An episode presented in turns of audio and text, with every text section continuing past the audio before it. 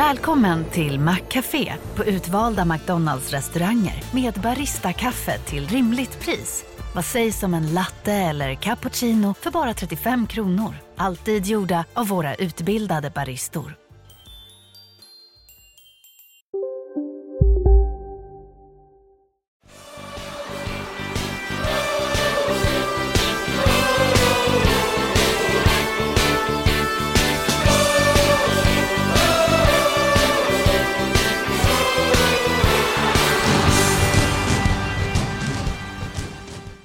Thomas Ledin brukar sjunga att eh, sommaren är kort, men den är fan mig ganska lång i Landskrona Boys poddsfären.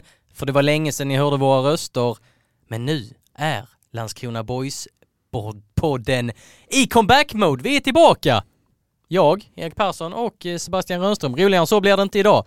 Eh, men vi har några gästande röster som ni ska få höra senare i avsnittet. Sebbe, välkommen!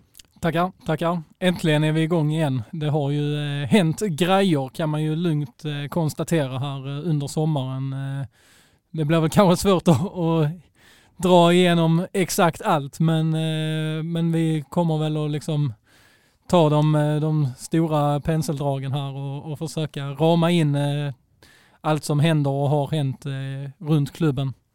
Ja men verkligen och eh, jag nämnde att det kommer vara några gästande röster här. Jag kan väl lika gärna eh, berätta vilka eh, andra eh, personer som kommer komma till tals i det här poddavsnittet. Det är inte vilka som helst. Det är Daniel Milovanovic. Det är Melker Videll. Det är Håkan Söderstjärna. Det är Niklas Nielsen. Det är Melker Heijer och det är även en annan Uppsalabo i eh, Filip Olsson de ska i lite enkätform eh, få svara på eh, ja, men tre frågor eh, inför det stundande derbyt på Olympia mellan Helsingborgs IF och Landskrona Boys avspark 19.00 eh, här i Helsingborg då på tisdag.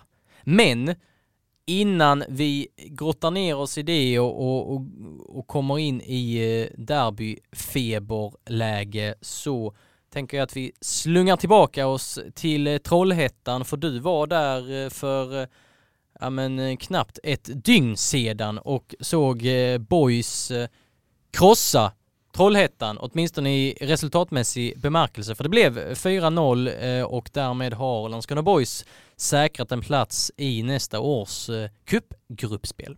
För fjärde året i följd som Boys går till gruppspelet. Ja, ehm, var ska man börja? Det, jag tycker att det var kanske inte 4-0 bra, eh, själva prestationen, eh, men eh, Boys gjorde ju definitivt jobbet, eh, det man skulle göra. Första halvlek var ju eh, sådär, skulle jag säga, från båda lagen. Men Boys eh, fick in 1-0 genom David Edvardsson ganska sent. Och sen fick man ju en drömstart på andra halvlek när eh, danska nyförvärvet Fredrik Eiler spräckte sin eh, målnolla, gjorde första fullträffen i, i boyströjan. Tog väl bara ungefär 35 sekunder där efter paus. Och då, eh, då var det ju ganska tryggt för boys eh, att ha den 2-0-ledningen. När dessutom en Trollhättan-spelare blir utvisad, då, då gick ju luften ur, då var ju matchen över eh, och då kom även 3-0 och 4-0. Så kontrollerat bra. Ehm, Ja men med tanke på att det ändå är ett starkt Trollhättan man möter. Det är ju ett, eh, som Max Möller sa inför matchen, ett av de tuffare lagen om man bara liksom kollar vilka möjliga motståndare det fanns. Trollhättan har ju, eller är ju med i toppen i ettan södra. Så eh, det får man ju se som, som starkt att man bara åker dit och ändå liksom städar av den matchen eh, så pass kontrollerat. Även om det var eh, tacksamt då i, i andra halvlek. Men, eh, ja, men en väl genomförd eh, match eh, utan att det var ja, alltför eh, succéartat eh, liksom prestationsmässigt. Ja, det var eh, några nya ansikten eller några ansikten som man inte har sett så länge eller inte ser så ofta. Fredrik Ilor, eh, som du nämnde, nyförvärvet från eh, Århus, eh, presenterade sig i, i målprotokollet för första gången då i, i boys-dressen.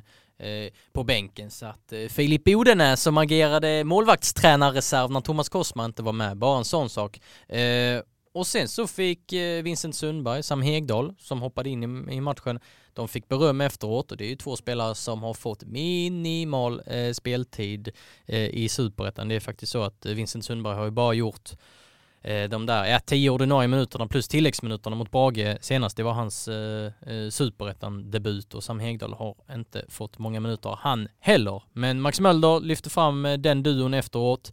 Vad säger du som såg matchen? Vilka utmärkte sig? Mm, jag är väl lite inne på samma linje som Max Möller. Jag tycker att Samuel Kotto visar att eh, han är ett eh, råämne i försvaret. Det är en hårdför för eh, mittback eh, och en, eh, ja, men en form av ledartyp. Jag, jag blev imponerad av hans insats. Sen är det också intressant att se en spelare som David Edvardsson lite mer över tid nu. Han hade ju en jättejobbig vår där han var petad ur laget.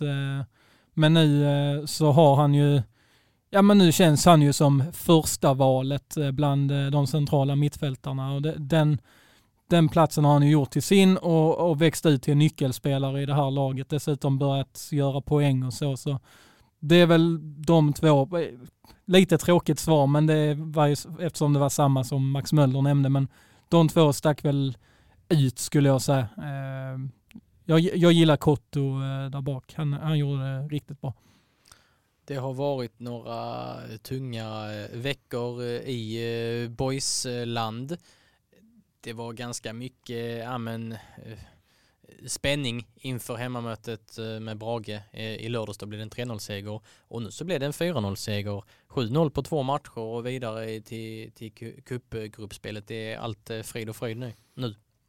De här två resultaten ser ju bättre ut än vad det är. Visst är det så. Ja. nu såg ju inte jag Trollhättan-matchen, men jag men... såg Brage-matchen och ja, men framförallt... jag tycker i första halvlek där mot Brage var, alltså generellt sett, alltså från bägge lagen, en, en, en svag match. Det är ju ungefär så som superettan fotboll ser ut. Men jag, jag tyckte det var ganska lågkvalitativt och trodde absolut inte att Boys skulle gå och vinna med 3-0 i den matchen. Ja, jag håller helt med. Det var, eh, och alltså även andra halvlek, alltså den är ju inte heller, om jag sa 4-0 bra, alltså då, den är ju inte heller 3-0 bra eh, på det sättet, eh, utan ja men, ja, Boys tog vara på sina chanser där och, och vann liksom. Men, Vilket vi har klagat på tidigare exakt, och lyft så, fram att så det är, det är alltså effektiviteten att den ja. har varit dålig. Mm, så att det ska och, väl berömmas där också. Ja och även att man kan vinna kontrollerat med 3-0 fast att man inte har sin allra bästa dag. Det är ett styrkebesked det också men, men eh, vi kommer ju komma in på det här med derbyt och jämföra med i våras och, och hela den biten men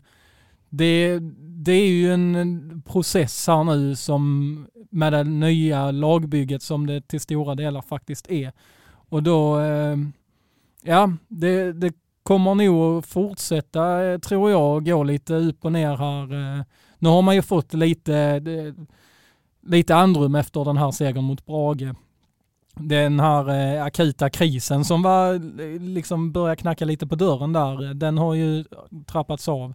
Så det är ju inte samma ångest inför det här eh, derbyt mot HF som det hade kanske varit om man förlorat mot Brage.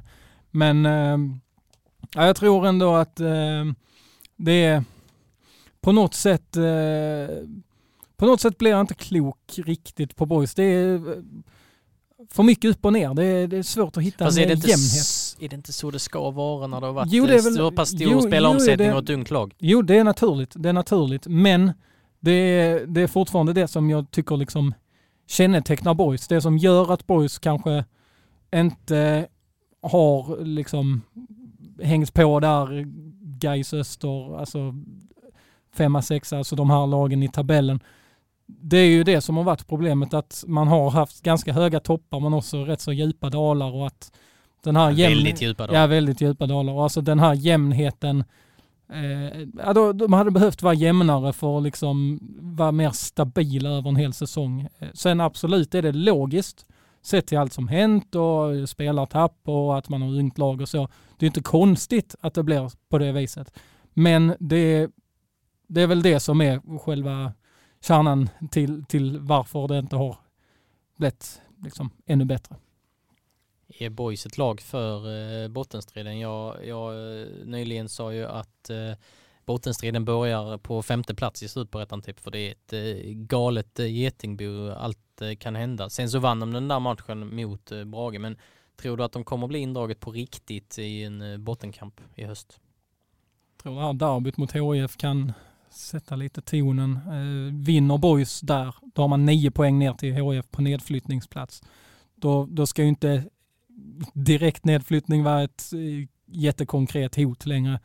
Eh, Och det har väl någonstans du och jag aldrig riktigt tänkt. Nej, det har vi om, inte om, tänkt. De, om, de, om det mot förmodan går käpprätt, då är det i sådana fall en kvalplats. Att det finns Ja, någonstans liksom ett, ett hyfsat tydligt eh, fundament kring, kring spelidé och sånt som gör att de kanske, ja, de brakar ju inte rakt ur också på grund av att det finns många, många andra svaga lag i ja, ja, ja, alltså så tänker ju vi om det, men så länge poängavståndet inte är större så, så är det ju ett reellt hot så, så måste man ju se det liksom.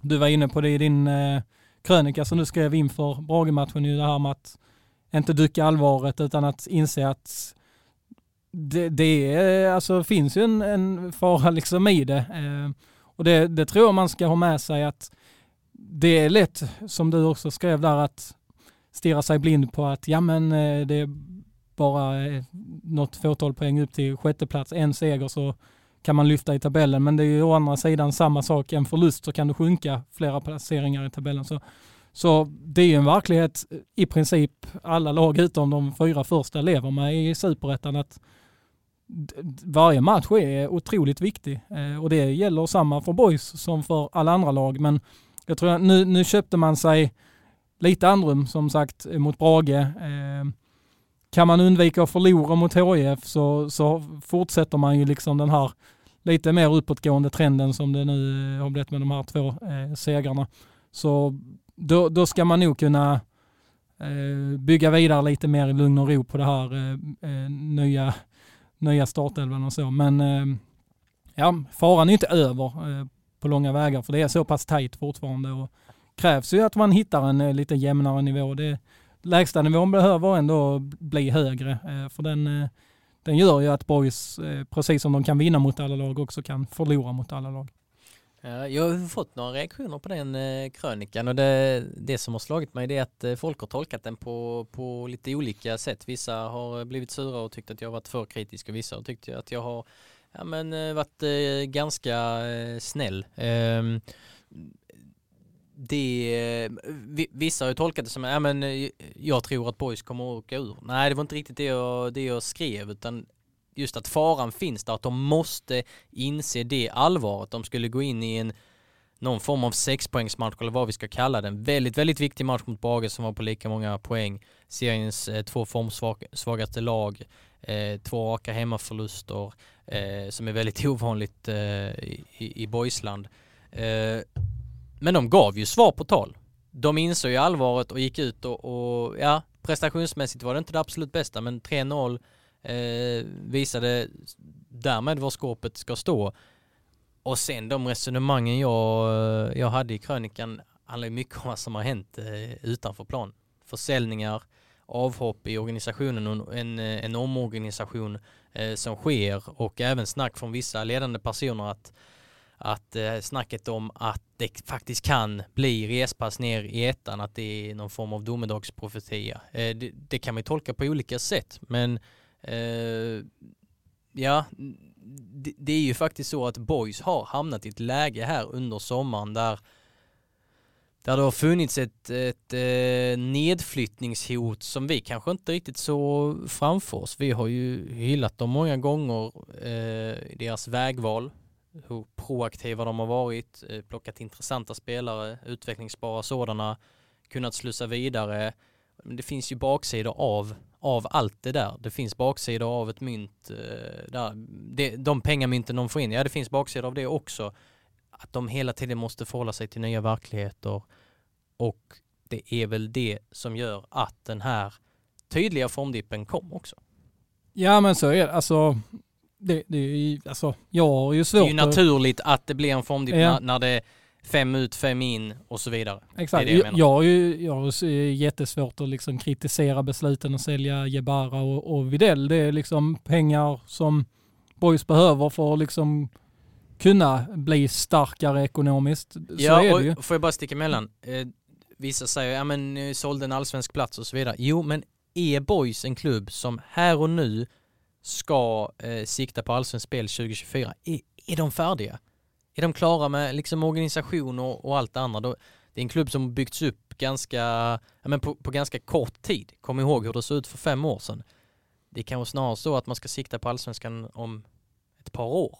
Eh, och då kan ju pengar eh, för exempelvis Melker Videll eh, skapa förutsättningar för det. Sen är det klart att det kan sticka i ögonen att han går till en annan andra liga och, så vidare och så vidare. Men det är ändå rätt det- så skilda verkligheter mellan det. och Ålborg. Exakt, det är bara att kolla, kolla ja, nu får inte vi tillgång till att kolla Melker Widells lönekuvert men vi har ju eh, skrivit om det eh, att eh, en rejäl, en, eh, rejäl, ett rejält, rejält, rejält eh, lönelyft. Att det finns ju helt andra muskler i eh, just Ålborg och eh, ja, sen är det klart att man, eh, jag blev ju misstänksam när han eh, anslöt eh, till Boys på ett fyra års kontrakt. En så pass talangfull spelare som till och Malmö FF. Varför lånar inte MFF ut honom? Och så vidare och så vidare. Det måste ha funnits någon eh, hake där och vi kommer väl aldrig riktigt få veta hur mycket Boys ägde det här beslutet och hur mycket pengar de egentligen eh, fick in. Men någonstans ser jag Melker Widell-rekryteringen som Ja men det var, det var ett säsongslångt lån. Jag tror alla parter var inställda på att Melker Widell gör en säsong i Landskrona Boys och sen lämnar han för han är så pass bra. Nu skedde det ett halvår tidigare och eh, det har ju skapat irriterade röster och de irriterade rösterna ska väl få höras men eh, någonstans var det inte en fyraårs deal eh, i praktiken även om Eh, det kommunicerades att han skrev på för fyra år. Är du med på mitt resonemang? Ja absolut. Jag eh, skrev ju innan jag gick på semester, det var ju i samband med omstarten där mot eh, Jönköping hemma, skrev jag ju en krönika om, och detta var ju då efter Jebara lämnat men innan Videll lämnat. Den här säsongen är ju inte den säsongen när Boys ska ta klivet till allsvenskan. Däremot hoppas jag ju att, ja nu får man ju se vad man lyckas eh, göra först av den här säsongen och sen kommer ju liksom ett vinstfönster och allt det. Men att jag hoppas att man ändå liksom kommer med någon slags tydligare plan kring när man tänker sig ta det här steget eh, uppåt eh, nästa säsong. Att de ja, men blir Ja, men lite kaxigare. Ja men, ja. Håller jag med dig här nu? Jag, jag, jag tror inte det. Alltså nu är du inne på det här med klubbar som går ut och säger att 2025 ska vi vara där. Alltså det här med femårsplaner, det är som Erik Edman för övrigt eh, avskydde. Eh, eller avskyr eh, fortfarande. Ehm, är, är det något sånt du är inne att Boys ska basunera ut att ja, men senast 2026 ska vi vara i Allsvenskan, typ? Det är så det låter när du pratar. I Ja, sådana fall tycker jag att du är snett ute. Ja, en, en, en viss del i det absolut. Hur Men, många klubbar som har basunerat ut sådana målsättningar har lyckats med det? nej, men det jag menar är att jag tycker att boys Ja, men om jag liksom nu mot bakgrund av det som hänt sen den krönikan. Eh, Sen din krönika. Min krönika ja.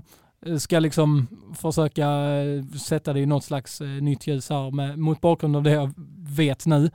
Så tycker jag väl att, för det har ju blivit en snackis det här med att man eh, säljer sin allsvenska plats. Ja, men det har väl man, inte varit snack om en allsvensk plats nej, egentligen? nej, men supportrarna ja, tycker ja, ju det. Ja, Eller, eh, vissa supportrar, Ja. inte alla såklart. Eh, Men att det finns liksom en diskussion kring detta. Att ska Boys bara vara en farmarklubb till Sirius och Elfsborg eller ska man själva sikta högre? Där, där, det jag nu då tänker är att jag vill ha någon slags eh, tydligare eh, målsättning eller plan liksom för att, när, eller kanske inte just när, men hur man ska liksom gå tillväga för att är det genom att fortsätta sälja spelare? Eller är det genom att, ja men nu kommer vi att hålla hårdare i våra spelare. Mm, ja, då, Den här säsongen känner vi att nu har vi ett lag på plats. Vi, ja, får man mångmiljonbud så är det såklart omöjligt att tacka nej. Men att, nej men här, här går våra höga sportsliga målsättningar kanske före att vara en språngbräda för enskilda spelare. Det är liksom en, en tydligare plan eller eh, liksom ja, eh, vad ska man uttrycka det som, liksom, att man, ja, men lite, en tydligare lite, retorik i vad är det vi vill med den här säsongen. Liksom, Mm. eh, ja, det- det- du det kommer, du kommer in lite på vägskäl och lite, sätt, sätta lite exempel och statement och så. Ja men exakt, det är lite det jag ser, eh, gärna hade sett, eh, att man eh, var lite tydligare i Men Hur kan man, agerar vara, vi? kan man vara tydliga i det här läget eller behövs det lite mer tid? Alltså har man kommit så pass långt att man kan stå emot ett eh, Sirius-bud på Andreas Morbäck eller ett eh, Sandefjord-bud på Filip Ottosson? Handlar inte väldigt mycket om att man kan inte gå ut och prata så än för att ekonomiskt så är de inte där att de kan säga nej. Är du med? Hur jag tänker? Ja, nej alltså de, absolut, jag är med på det, men Det är grejen... kanske lite för tidigt att kräva. Jag vet inte. Jag Mm. vet inte. Men jag bara... Det är en tanke som jag bollar upp. Ja men det är det jag vill ha liksom då om man, vilken väg väljer man? Eh, fortsätter man på den inslagna vägen som jag har varit, det ska vi ha med oss, väldigt lyckosam över tid här nu de senaste åren. Det, har ju, det är svårt att kritisera det här, den här strategin Boys har haft i stort. Nu har man haft en liten formdipp här och liksom kan fortfarande sluta sexa i superettan. Och då är det ju svårt att liksom ja, då har kritisera man ju haft helheten. sports, sportsligt parallellt med att man har sålt nyckelspelare och blivit av med vissa som Bosman också, vilket vi ska komma Mm. ihåg. Eh, Kevin Jensens och Malmadjed och, och sånt fick man ju inte övergångspengar för exempelvis. Eh, sen var det ju solidaritetsersättning med Kevin Jensen och så vidare. Ja, ni har säkert koll på det.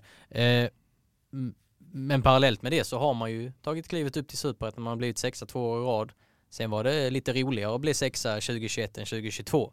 Det var inte lika sexigt förra året. Eh, men ja, säg att man tar en ny sjätteplats så ja, då, då skapar man ju någon form av sportsliga resultat samtidigt som man har detta.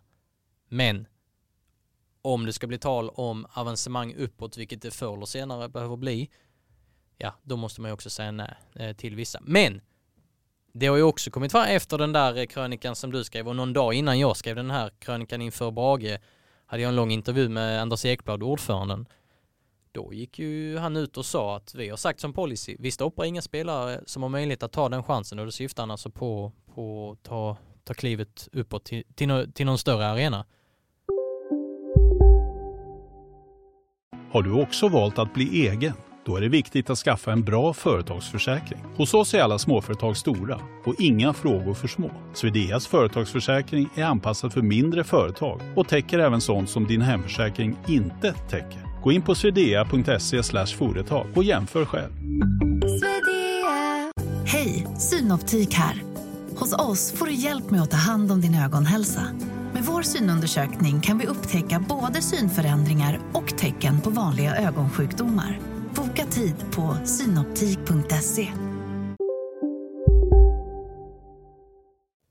Han var och det är väldigt ju- tydlig där. Ja och det är ju också en eh, balansgång för det är ju också en Så då har Att du man- väl ditt svar egentligen, att de väljer denna vägen. Ja, och det är helt okej. Alltså så. Eh, boys kan absolut må, må väldigt bra av att, eh, av att jobba på det här sättet och liksom etablera sig ytterligare någon säsong i, i Superettan och liksom fortsätta det här bygget och så. Och det här med att eh, ha den policyn det är också kanske en anledning till att man lyckades rekrytera Melker Videll till exempel och hade honom i ett halvår. Att man har fått in talanger som kanske annars hade valt andra klubbar men man ser att i Boys får jag chansen och de är villiga att släppa mig så, så det har ju varit en jättelyckad strategi. Ja, samtidigt kommer vi in, då kom, när du pratar det här resonemanget, ja, eh, jag håller med, jag, jag, det var jag inne på just med Videll också, precis det du, du säger, jag tror du har en jättepoäng där. Men då finns ju också den här risken att spelare väljer Landskrona Boys för att vara där ett halvår eller ett år och de kollar på telefonen hela tiden om agenten ska ringa eh, och berätta om intresseanmälningar och bryr sig mindre om hur det går för klubben och för laget. Jag säger inte att de skiter i klubben och laget men att det är liksom eh, eh de är där av helt andra anledningar. Sen tycker jag alla människor på vår planet ska ha ambitioner eh, och så, så det är inte det, det, är inte det jag säger, men det, det kan ju bli lite eh, HTFF-känsla att eh, vi är bara här eh, för, att, för att visa upp oss för agenter och scouter och allt vad det är. Ja, och alltså det är ju som sagt en balansgång. har man inte den, vad ska man säga, policyn, då kanske man inte kan rekrytera så pass stora talanger som, som sen tar kliv vidare. Då kanske man hade fått leta på andra hyllor, kanske ta mätta allsvenska spelare istället. Hade det blivit bättre? Eller, är- eller verkligen få, alltså scout, alltså att utveckla sin scouting ännu mer och hi- hitta Ja, fler. Det var eh, det, det, Det är alltid önskvärt att bli Ja, ja, hela men- tiden bättre på scouting givetvis. Ja, ja, Men- men jag menar att ta mätta allsvenska spel. Ja, jo, men man kanske också kan kräva, eller kräva, men alltså att hitta, hitta ännu fler guldkorn, ettan, tvåan, kanske till och med trean. Vad vet jag om det är något väldigt eh, eh, speciellt och där, där är det ju också, tycker jag att det, men där tycker jag det ska bli intressant att se hur, och Boys kommer jobba med scouting framöver. Det var en sak att ta Viktor Wihlstrand, Somal Madjed, Filip Olsson och så vidare inför omstarten 2019. Det var spelare som, som man hade väldigt bra eh, koll på, som man kanske hade jobbat med och så vidare. Nu så är det liksom en annan verklighet. Kommer Boys mestadels kolla mot spelare som är liksom överblivna i storklubbarnas akademier eller bibehåller de det här och kan hitta en ny Zuma Almadjed i division 2? Mm. Det är inte helt givet. Det, det- jag, jag tycker att Nej, ibland ska att man ska- tar det för givet att boys är väldigt bra där. Men hur bra har de varit rent scoutingmässigt Mm. senaste tiden? Ja, ja, jag tycker det är en Ja, relevant det har ju verkligen varit högt och lågt bland många nyförvärv. Eh, och vi ska också komma ihåg det att tar man fem spelare från ettan eller division 2 så ska man vara nöjd om två lyckas. Det är, alltså, det är ju svårt att liksom pricka rätt med så pass många spelare från lägre nivåer. Eh, alla flyger inte och det är fullt naturligt. Det gör det inte om du så varvar dem från allsvenskan heller. Men det är ju just det här vägvalet, liksom hur, hur man eh, fortsätter bygga. Jag tycker ju det är väldigt, alltså som jag har sagt, att den här strategin har varit framgångsrik för boys. Det är möjligt att man hade kan, kanske kunnat ta en snabbare väg som gått ännu bättre, men hade det varit bättre på sikt? Tveksamt. Så jag tror fortfarande att det här är helt rätt vägval för boys, men att man... Men har det inte blivit lite för rörigt och för mycket spelaromsättning just mm, liksom Jo. mitt i säsong? Jo, jo. Alltså det jag menar är liksom strategin i var man plockar nyförvärv ifrån. Att man tittar på en ung åldersprofil, att man eh, försöker hitta guldkorn på ettanivå till exempel eller i andra klubbars akademier och så. Det, det är liksom en, ja, en, en smart strategi. Men sen Men så ska det ju inte kunna- bli så, så stor ruljans såklart. Nej, och då- sen måste du kunna ta in en 25-åring, 26-åring, 27-åring också kanske för att stötta upp de här unga Definitivt, killarna så att det inte faller definitivt. igenom så här. Det har kanske blivit för många liksom 20-åringar som är helt nya på den här scenen. Det blir inte så lätt för dem då. Nej, du måste ju ha en, eh, en lite annan balans. Sen så gillar jag ändå liksom strategin, men att man kan krydda det med något eller något, eh, nå- något eller några eh, eh, namn eh, som kanske ändå kan vara lite mer eh, bärande pjäser eh, från start. Det finns väl egentligen, ja vissa tycker ju att um, man kan snacka lite svart och vitt här och prata om facit och rätt eller fel och så vidare. Eh, man, kan, man kan liksom berömma väldigt mycket som Boys har gjort de senaste åren. Sen kan man kritisera lite några grejer också. Jag menar det, det är väl svårt att hylla Jakob Perelman och Lukas Sunesson rekryteringarna exempelvis. Eh, så. Men en intressant eh, grej eh, av, eh, av de spelarna som eh, har lämnat klubben, alltså där där, med utgående kontrakt, alltså där, där eh, spe, ja, men typ gemensamt beslut eller att eh, klubben har sagt nej men vi vill inte förlänga. Alltså typ Måns Ekvall-caset och, eh, och så vidare. Så, alltså exklusive Kevin Jensen, Zuma Almadjed, Morbäck, Ottosson och alla dem så är det typ 30 spelare. Alltså du är med på vilka jag menar. Kevin Alin och Ja. Kofi Jeboa och Erik Persson och Linus R. Olsson och alla dem. Det är typ 30 spelare. Hur många av dem spelar på samma nivå eller högre just nu? Ja, det är... Är det ens en enda? Det har varit en. Har varit en. Har varit. När? Ja, fram till, fram till, ja förra året egentligen, men eh, rent klubbmässigt fram till bara några veckor sedan. Jag har skrivit några texter om det. Det blir inte lättare nu alltså. Dåliga, eller bra ledtrådar men det, jag förstår att det är snurrigt i hjärnan. Nej, det blir för snurrigt. Joel Sundström. Ja, eh, Som ju inte alls lyckades i, i boys eh, från då omstartssäsongen 2019. Han har ju gjort eh, åtta allsvenska inhopp för Varberg så att han har inte blivit etablerad där. Nu så för några dagar sedan så eh, blev han klar för Lunds BK, eh, topplag i ettan. Men annars, de här spelarna i den kategorin som jag pratade om är på, är på lägre nivå. Så får vi se, Jakob Perlman har väl fortfarande inte någon ny klubb eh, kvar men jag tror inte han skriver på för eh, något lag på högre nivå än eh, Boys. Men eh, det, är, det är också en intressant spaning tycker jag när man Ja men det man sätter det i ett perspektiv eh, som, som gör det svårt att liksom kritisera de besluten. Det är inte bara ett enskilt utan många beslut som du säger, 30 spelare liksom. Det gör ju det svårt att kritisera det. Sen är det klart att någon av dem säkert hade kunnat göra nytta i boys men det, så länge boys ändå liksom fortsätter att vara på ungefär samma nivå och liksom säljer spelare vidare så, så är det svårt att kritisera vägvalet. Det, så är det. Allt kan ju hända i dessa tider. Eh, transferfönstret är öppet till 31 eh, augusti men i skriv, eller i skriv, i talande stund. Klockan är 16.47 eh, och det är torsdag. Då så har eh, följande spelare kommit in i Boys under sommaren. Gustav Bruselius, mittback från Sollentuna. Samuel Kotto, mittback från Malmö FF, för det är ett lån. Samuel Burakovsky, ytterforward från Malmö FF, men var utlånad till Olympic. Eh, precis som Melko Widell för övrigt. Eh, Rasmus Wendt, ytterforward Lunds BK. Fredrik Eiler, forward från eh, Århus i Danmark och så eh, Xavier, Xavi Odiambo som eh, är en offensiv pjäs som blivit uppflyttad från akademin och lämnat truppen har Alexander Tekac som har skrivit på för Prime Bangkok i thailändska tredje ligan. William Ondrejka utlånad till eh, Torn eh, Eh, där han för övrigt inte får speltid i A-laget. Jakob Perlman, eh, ny klubb, är klar eh, eh, enligt den info jag sitter på. Eh, Melker Videll då såld till Ålborg, Kamil Jebara såld till Elfsborg och så Lukas Sunesson som bröt sitt treårsavtal efter bara blott ett halvår eh, och skrev på för Stocksund eh, bottenlag i ettan norra.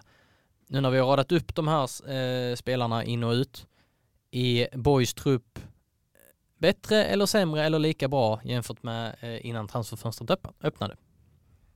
Ja, man får ju ha med där att eh, man har fått skador på Filip Andersson och Erik Hedenqvist, vilket är liksom ytterst det, relevant Det har ju lett till konsekvensen att man då har tagit in två nya mittbackar.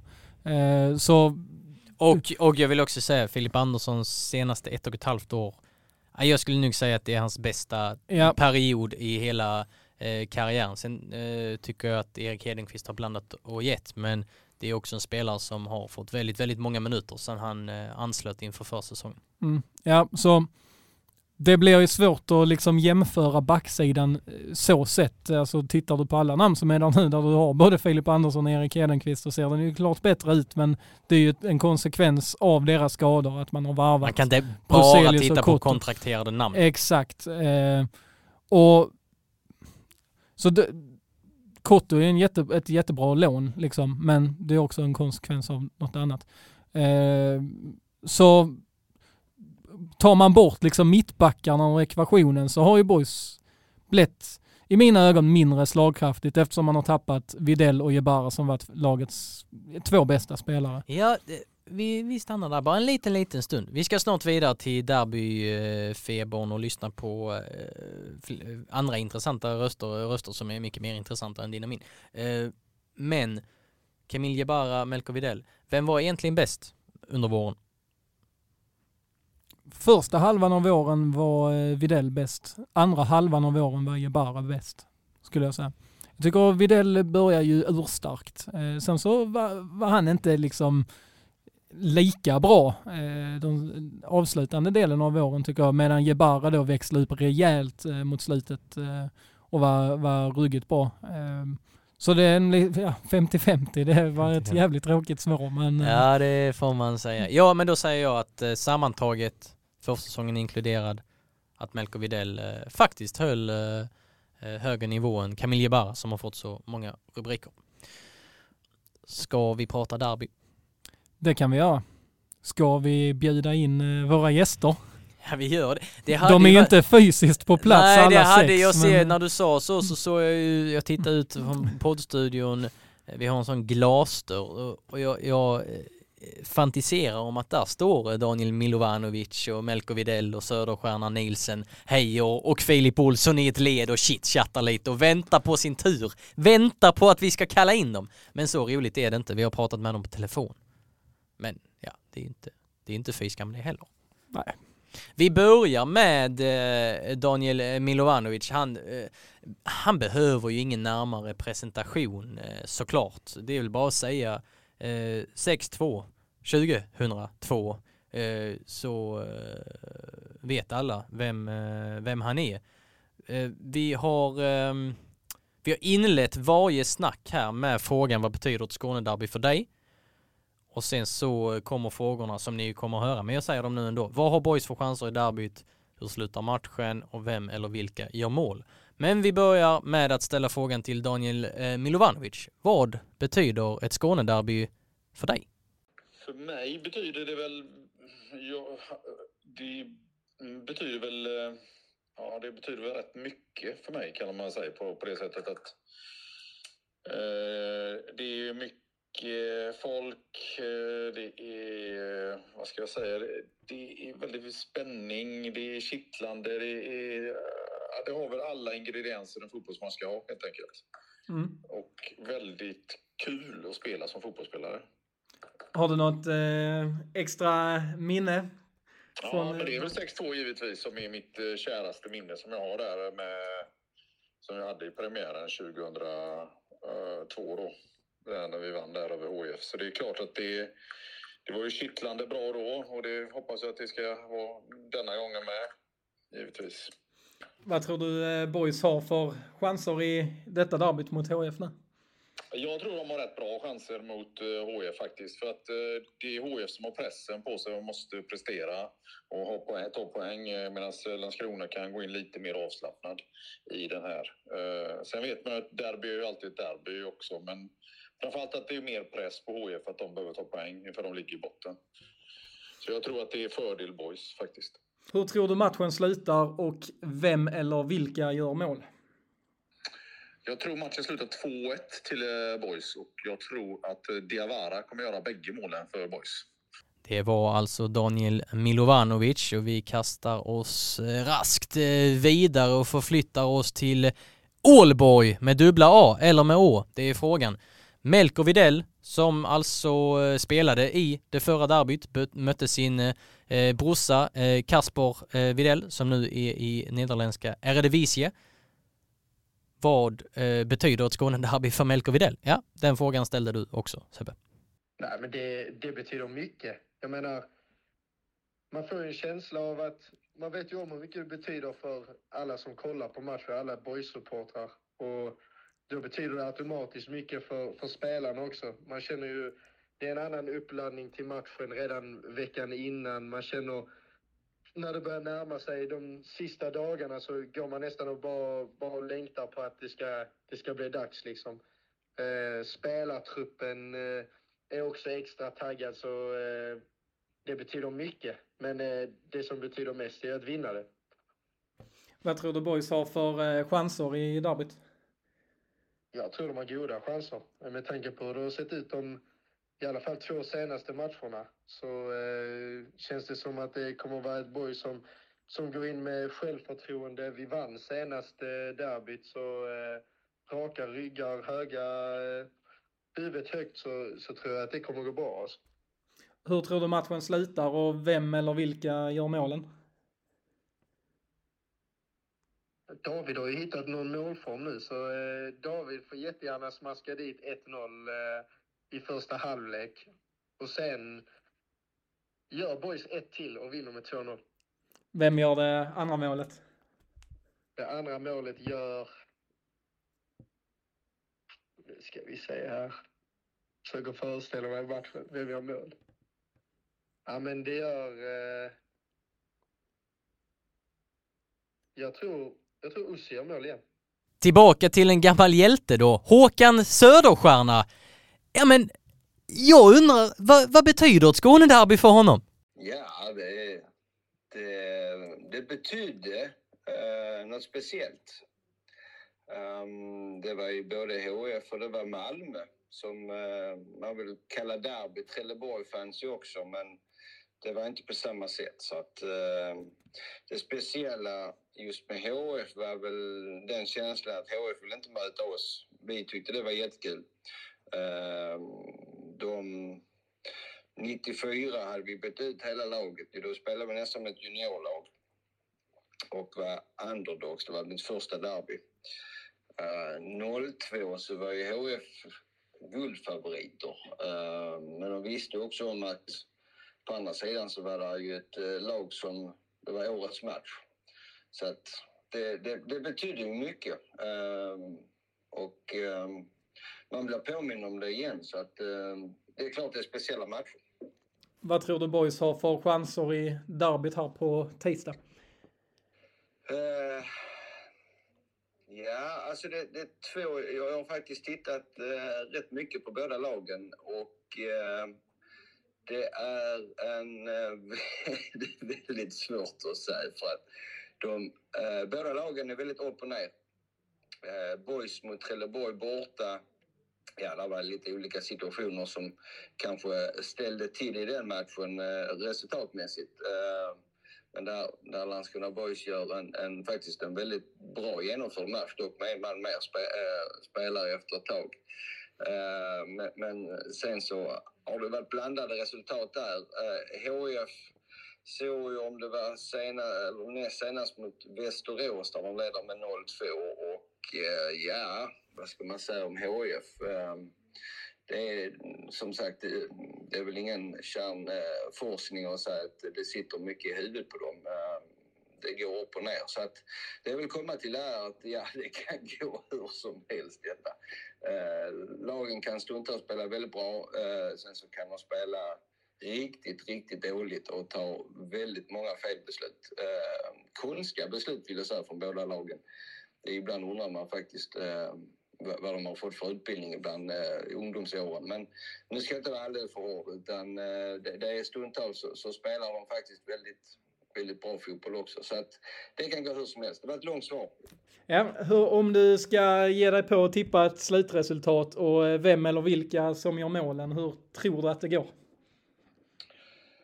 Uh, ja, men alltså det är som jag sa, det, det är ju det är, det är jättesvårt. Uh, jag, jag, tror dock att det blir mål uh, i, i, matchen. Jag tror att... Uh, jag har en känsla av att båda lagen gör mål.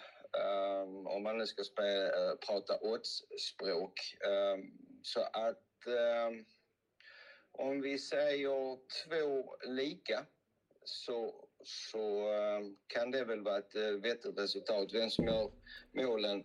Ja, eh, jag vill inte säga några namn så, men på något sätt känner jag kanske att det är väl inte bara anfallare eller mittfältare. Det, kan, det känns som att det kan vara någon fast situation också. Så att någon försvarsspelare eller någon som är duktig på huvudet där bak som också kan sätta dit den. Så att jag nämner inga namn, men två lika är väl gångbart. Där hörde vi Håkan Söderstjärna med en eh, viss portion eh, kritik mot bägge lagen.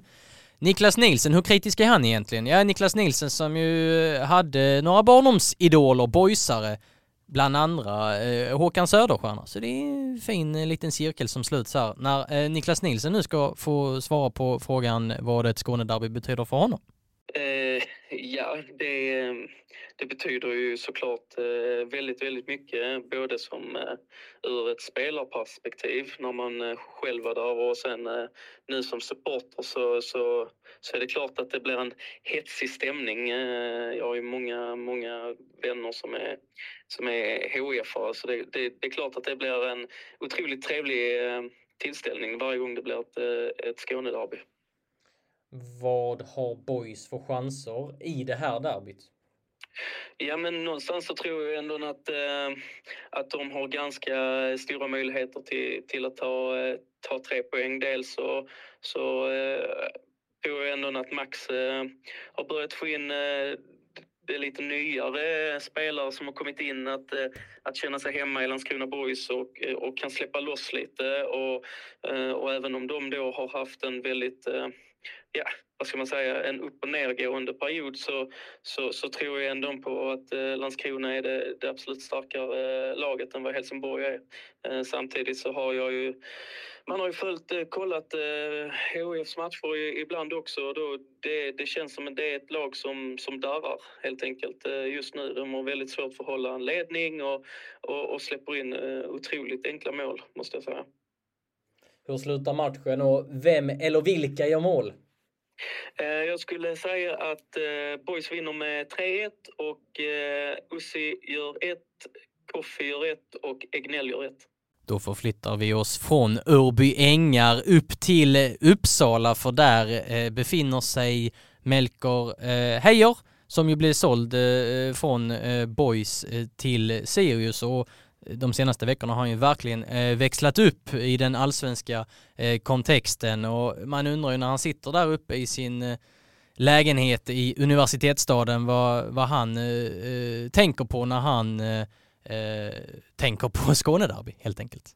Eh, ett Skånederby för mig det är väl att, att lite visa vem som, vem som har, eh, har mest att säga till om kommande, kommande månaderna. Det betyder lite, lite mer än om det är någon okänd man möter. Man, man, oftast så vet man några man, man möter och det, det betyder mer än bara tre poäng. Utan eh, man, eh, nej men man, man känner sig lite, lite större och bättre i, i närområdet. Mm. Vad, vad tror du Boys har för chanser i derbyt på, på tisdag? Eh, jag tror att eh, faktiskt det kommer att bli en rätt jämn match. Eh, HIF har väl kommit lite bättre i, i form än vad det var, vad det var i förra, förra mötet. Eh, och att det blir en jämn match, men att Boys absolut har, eh, har bra chanser att ta tre poäng även denna gången. Eh, lite fördel HIF på Olympia, men eh, Boys är väl också i rätt så bra form. Eh, hyfsad form. Mm, så eh, nej, jag, jag tror på en, eh, en eh, vinst för Boys faktiskt. Hur slutar matchen och vem eller vilka gör målen? Eh, matchen slutar, eh, slutar 2-1 till Boys som ni gjorde i, i våras. Eh, Målskyttarna blir eh, David Edvardsson och eh, Osman. Och så är det så här fiffigt att när du Sebbe ringde Melker Heijer, då skulle han lämna över sin hund Dino till Filip Olsson som alltså ska, skulle agera eh, hundvakt eftersom Melker Heijer skulle ut på fotbollsplanen och kuppspela med sitt Sirius. Så då passade du på att ställa frågan till Filip Olsson också. Vad betyder ett Skånederby för dig? Ett Skånederby för mig betyder... Ja, nu hörde jag ju vad Melle sa, men jag, jag säger ungefär liknande. Det är ju lite vem som har, har det här lilla att hålla på med under eh, resten av säsongen. Har den lilla, lilla grejen med att man, man vann ett derby. Och nu, nu har ju Boys haft det fram tills, tills detta derbyt och, och att då, då gå in och kunna säga det resten av säsongen också, att man, man vann båda derbyna till exempel. Det, det gör mycket och sen som spelare är det ju, det blir den lilla extra triggern att få gå ut inför eh, stor publik som det blir ju. Mm. Så det är klart. Vad... Det är lite, lite extra jämfört med en vanlig match. Ja. Vad tror du Boys eh, har för chanser i derbyt på tisdag?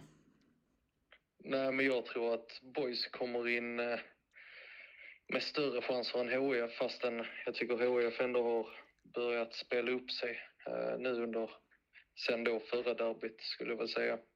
Eh, men jag tycker ändå Boys går in med lite större chans för det känns som Boys har mer att vinna på matchen än, äh, än vad, vad HF har. Så jag, jag tycker chanserna ser goda ut. Hur tror du matchen slutar och vem eller vilka gör målen? Um, jag tror det blir 2-1 till Boys, som LO sa det. Ja, precis. Exakt samma ja, resultat. Då, då såg jag 3-1 till Boys.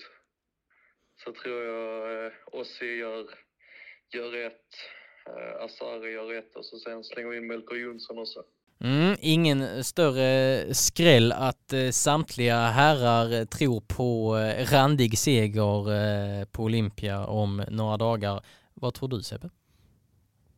Det är jättesvårt att tippa det här där. Jag alltså, tror att det kommer att vara... Det är ett, många eh, sarga utsvar från dig idag. Ja, det är det. Men eh, det, det, jag känner att detta derbyt är betydligt hetare än det i våras. Även om vi eh, eh, drog slutsatsen då att eh, det faktiskt var rätt hett när det väl eh, var Man- på gång. Man gör ju ofta det. Men nu, nu känner jag och har känt en längre tid än vad jag gjorde då i våras att nu är det derbykänsla på riktigt. HIF i ett rejält utsatt läge. Boys också med, som vi har varit inne på, liksom sin situation. Men eh, framförallt så är det ju en enorm press på HIF i den här matchen.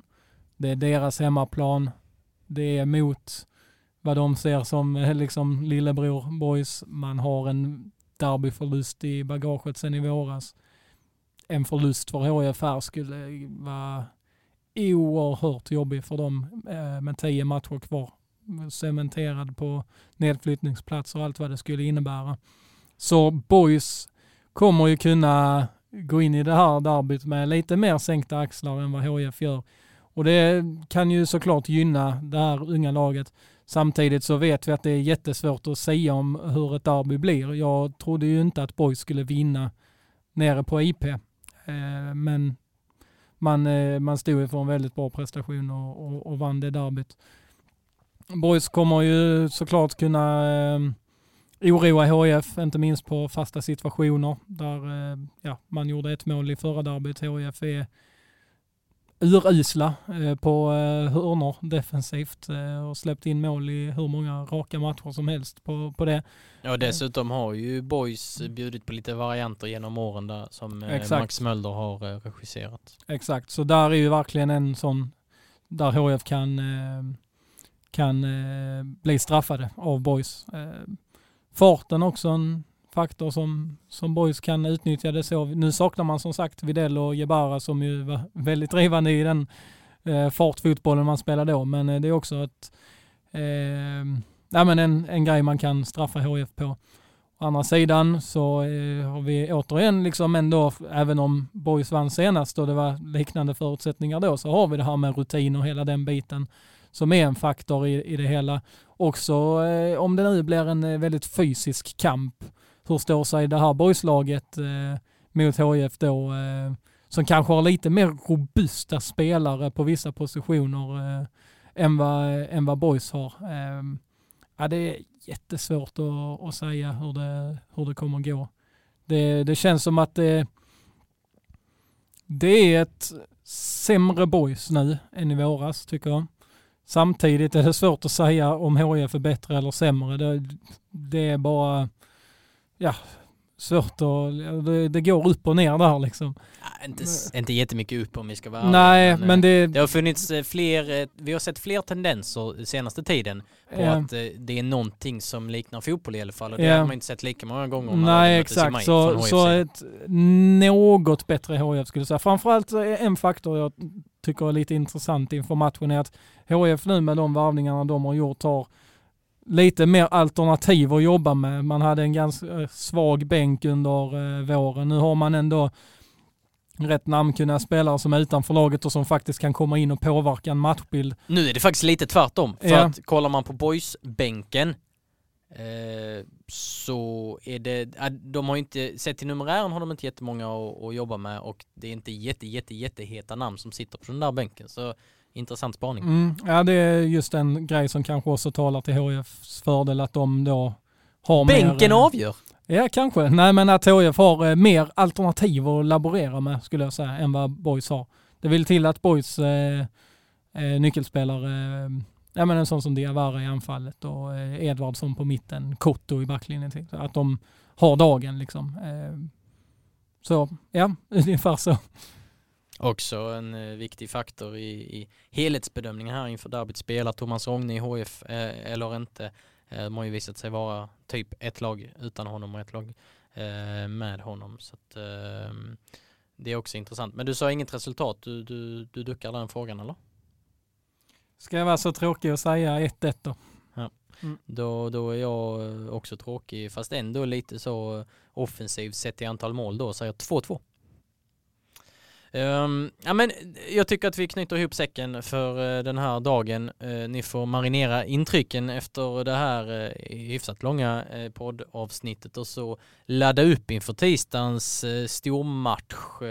jag hoppas att ni gör det med oss på HD för vi, vi gasar ju på i vanlig ordning. Vi punktmarkerar de här klubbarna så mycket vi bara kan. Och med det sagt så säger jag bara fortsatt trevlig dag och eh, på återhörande. Det kommer inte dröja lika många månader till nästa avsnitt den här gången.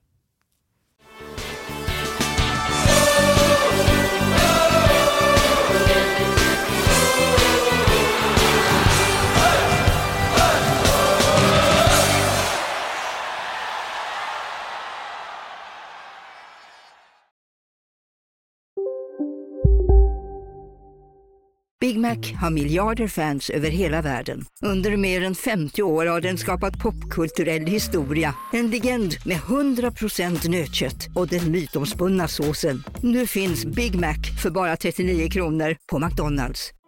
Hej Sverige! Apoteket finns här för dig och alla du tycker om.